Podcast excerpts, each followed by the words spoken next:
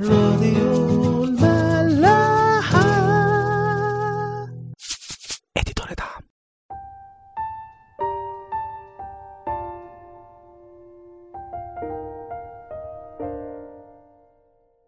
أهلا بيكو في عيش وملح. كنا ابتدينا آخر مرة في القصة التانية اللي في آخر سفر القضاة واللي بتعبر عن مدى الانحدار الروحي وبالتالي الأخلاقي اللي وصل له شعب إسرائيل في الوقت ده. والقصة باختصار كانت بتحكي عن راجل لاوي كان عنده سرية اللي هي زي جارية بس مرتبط بيها بشكل رسمي فبتبقى زي مراته يعني بس بدرجة أقل شوية. وكانت السرية دي زنت على سيدها اللاوي وراحت عند أبوها. بس اللاوي حب يرجعها فراح لها عند أبوها وأبوها رحب باللاوي جدا وقعد عنده كام يوم وأخد السرية بتاعته ومشي عشان يرجع لبيته. وهم راجعين الدنيا بتليل عليهم فبيخشوا مدينة اسمها جبعة تبع سبط بنيامين وبيستضيفهم شيخ متغرب في المدينة دي عشان يبيتوا عنده. بس هما بيتعشوا بيلاقوا فجأة رجالة المدينة كلها محاصرة البيت وبيطلبوا من الشيخ إنه يسلمهم الغريب اللي عنده اللي هو اللاوي عشان يصنعوا معاه الشر. فالشيخ بيحاول يمنعهم بأي طريقة إن هما يرجعوا عن الشر بتاعهم ويسيبوا الضيف بتاعه لدرجة إنه بيعرض عليهم إنهم ياخدوا بنته العذراء والسرية بتاعت اللاوي بدل اللاوي. وفعلا اللاوي بيلاقي الموضوع اتعقد كده فبياخد السرية بتاعته وبيديها لهم. وبكل وحشية بيصنعوا معاها الشر طول الليل لحد ما الفجر بيطلع فبيسيبوها. وبترجع السرية عند البيت اللي فيه سيدها اللاوي والكتاب بيقول لنا إنها بتترمي عند الباب وبتحط إيديها على العتبة وبتموت. نكمل مع بعض. اللاوي بيخرج الصبح يلاقي سريته الميتة عند الباب فبياخدها معاه وبيروح على بيته وبيعمل حاجة غريبة جدا. بيقوم مقطع الجثة بتاعة السرية بتاعته 12 حتة وبيقوم باعت حتة لكل سبط في شعب إسرائيل. ومن بشاعة المنظر والقصة اللي وراه طبعا يقول لنا الكتاب وكل من رأى قال لم يكن ولم يرى مثل هذا من يوم صعود بني إسرائيل من أرض مصر إلى هذا اليوم. تبصروا فيه وتشاوروا وتكلموا. شعب إسرائيل كله بيتهز بسبب القصة دي وبيقول لنا إنه الشعب كله اتجمع كرجل واحد. 400 ألف راجل شايلين سيوفهم وجاهزين للانتقام. واتجمعوا في المصفاة وجابوا اللاوي وحكى لهم القصة تاني قدام الشعب كله. وبيقول لهم في الآخر احكموا أنتوا بقى. فكل الشعب بيقرروا إنه مفيش حد هيروح بيته قبل ما ياخدوا حق اللاوي ده وسريته. فبيبعتوا لسبط بنيامين بيقولوا لهم إيه الشر اللي فيكوا ده؟ إزاي عملتوا كده؟ سلموا لنا بني بليعال اللي هي معناها بني الشيطان يعني اللي من جبعة اللي عملوا كده عشان نقتلهم وننزع الشر من إسرائيل. لكن سبط بنيامين لسبب ما مش بيرضوا يسلموا أهل جبعة ليهم. يمكن كبرياء منهم إنه محدش يجبرهم على حاجة زي كده أو كان في مصالح ما بينهم وبين المدينة دي أو عشان كانوا إخوات في بعض فزي ما بيقولوا أنا وأخويا على ابن عمي. المهم إن هم رفضوا تسليمهم وبيجمع سبط بنيامين من كل مدنه 26 ألف راجل عشان يحاربوا بقية شعب إسرائيل ودول غير سكان جبعة اللي كانوا 700 يعني 26 ألف بنياميني وال 700 بتوع جبعة ضد باقي شعب إسرائيل ال 400 ألف راجل. بيقول لنا بقى في عدد 18 إنه ال 11 سبط قاموا وصعدوا إلى بيت إيل وسألوا الله. سألوه في حاجة يعني. بس كده. قبل ما نعرف سألوا ربنا على إيه إحنا هنقف هنا شوية. لأننا هنلاحظ حاجة غريبة جدا. دي أول مرة تيجي سيرة ربنا من أول القصة. يعني كل إصحاح 19 ولحد عدد 18 من الإصحاح العشرين مفيش ولا كلمة عن ربنا خالص. وده المفتاح لحاجات كتير قوي للي حصل أو اللي هيحصل بعد كده. فين ربنا من ده كله؟ يعني إحنا لو خدنا القصة لحد هنا ورحنا حاطينها في صفحة الحوادث مش هنحس بأي مشكلة. واحد معاه مراته ناس بتهجم عليه وبياخدوا منه مراته ويعتدوا عليها لحد ما بتموت. فالراجل بيروح يجيب إخواته وأهله عشان ينتقموا له منهم. وكل ده مفهوش أي ذكر بالمرة لربنا. بالمناسبة نفس الكلام ده كان حصل برضه زمان في تكوين 34 في قصة دينا بنت يعقوب. ممكن نبقى نرجع لها في عيش وملح بس هي برضه كان فيها نفس الملحوظة إنه ما كانش فيها أي ذكر لربنا بالمرة. فمعلش إحنا هنراجع القصة بقى كده كلها تاني بسرعة وهنلاحظ كام حاجة كده في السكة.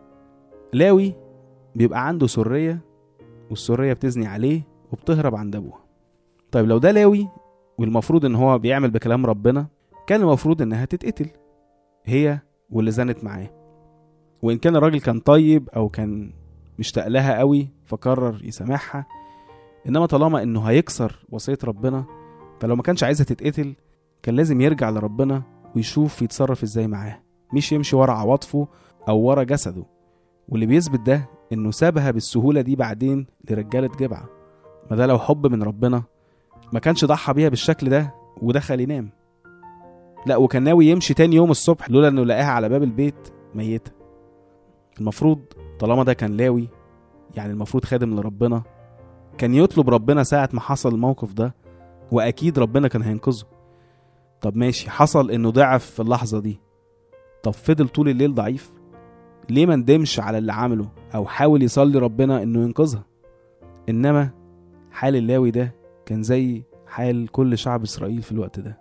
مرائين ولاد ربنا من بره بس إنما من جواهم مش عارفين هو ربنا مين أصلا. في إنجيل متى في اصحاح بالكامل إصحاح 23 المسيح بيحذر الكتبه والفريسيين المرائين.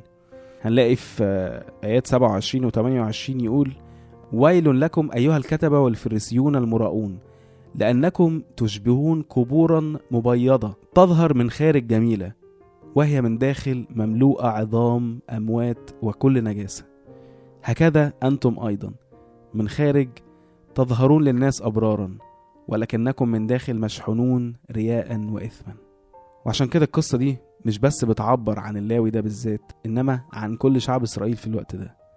مرائين والمسيح بيقول الكلام ده لشعب إسرائيل برضه في مرقس سبعة آيات ستة وسبعة. يقول حسنا تنبأ أشعياء عنكم أنتم المرائين كما هو مكتوب هذا الشعب يكرمني بشفتيه وأما قلبه فمبتعد عني بعيدا. وباطلا يعبدونني وهم يعلمون تعليم هي وصايا الناس. فبيكمل اللاوي برضه من دماغه وبيمشي ورا عواطفه مش ورا ربنا وبيقرر إن هو يقطعها بالشكل ده ويبعتها لأسباط شعب إسرائيل. مش حبا فيها أكتر ما هو غيظ منه للي حصل وعلى كرامته فقرر يقلب الموضوع يعني قضية رأي عام. ويقلب شعب إسرائيل كله على سبط بنيامين واللي يثبت ده كمان إنه اللاوي لما بيحكي القصة لشعب إسرائيل بعد كده يعني إحنا هنلاقيه قايلها بالتفصيل تاني في إصحاح 20 وحكي اللي حصل بس مطلع نفسه بشكل تاني غير اللي حصل. بيقول إيه في أعداد أربعة وخمسة؟ فأجاب الرجل اللاوي بعل المرأة المقتولة وقال دخلت أنا وسريتي إلى جبعة التي البنيامين لنبيت فقام علي أصحاب جبعة وأحاطوا علي بالبيت ليلا وهموا بقتلي. وأذلوا سريتي حتى ماتت. يعني كأنه الموضوع كان غصب عنه. أخدوها منه بالعافية وما كانش في إيده حاجة وعملوا اللي عملوه. من موضوع اللاوي ده بنطلع بحاجة في منتهى الغرابة. إنه حتى في الحق والعدل الشيطان ممكن يتدخل وبيستغل الفرص دي عشان يملى السم بتاعه في قلوبنا عشان تحت اسم الحق والعدل يعمل اللي هو عايزه بينا. يعني في تثنية 32 35 ربنا بيقول ليا النقمة والجزاء. يعني أنا هاخد لك حقك. فباختصار كده مشكلة اللاوي إن ربنا ما كانش ليه مكان في قلبه حتى لو كان الظاهر غير كده. في الأول راح رجع سريته واللي في قلبه ده مش حب ربنا إنما حب جسدي من الشيطان. وعشان كده وقت ما الشيطان طلبها منه سابها للشيطان. ولما حصل لها اللي حصل انتقم لنفسه مش لسريته. ما حاولش يروح لربنا ويراجعه في أي حاجة. ما حاولش يفحص نفسه الأول ويتوب عن أي غلط عمله قبل ما ياخد أي خطوة عشان يكون ربنا معاه بعد كده. يعني في لقا 6 آيات 41 و 42 المسيح يقول لنا لماذا تنظر القضاء الذي في عين أخيك وأما الخشبة التي في عينك فلا تفطن لها؟ أو كيف تقدر أن تقول لأخيك يا أخي دعني أخرج القضاء الذي في عينك وأنت لا تنظر الخشبة التي في عينك يا مرائي أخرج أولا الخشبة من عينك وحينئذ تبصر جيدا أن تخرج القضاء الذي في عين أخيك. لما تحس إنك اتظلمت قوي أو حصل لك أي نوع من الشر أوعى تسيب نفسك لدماغك وعواطفك زي ما حصل مع اللاوي المرائي ده. ارمي كل حاجة عند ربنا وسيبه هو يتصرف سواء بيك أو من غيرك بس أكيد ساعتها عد ربنا هيكون أحسن من أي عدل تاني. في رسالة للعبرانيين إصحاح 10 آيات 30 31 يقول فإننا نعرف الذي قال لي الانتقام أنا أجازي يقول الرب. وأيضا الرب يدين شعبه. مخيف هو الوقوع في يدي الله الحي. فروح لربنا وما تخافش على حقك. مزمور 45 آية 6 كرسيك يا الله إلى ظهر الدهور قضيب استقامة قضيب ملكك. نشوفكم بكرة. راديو ملاح.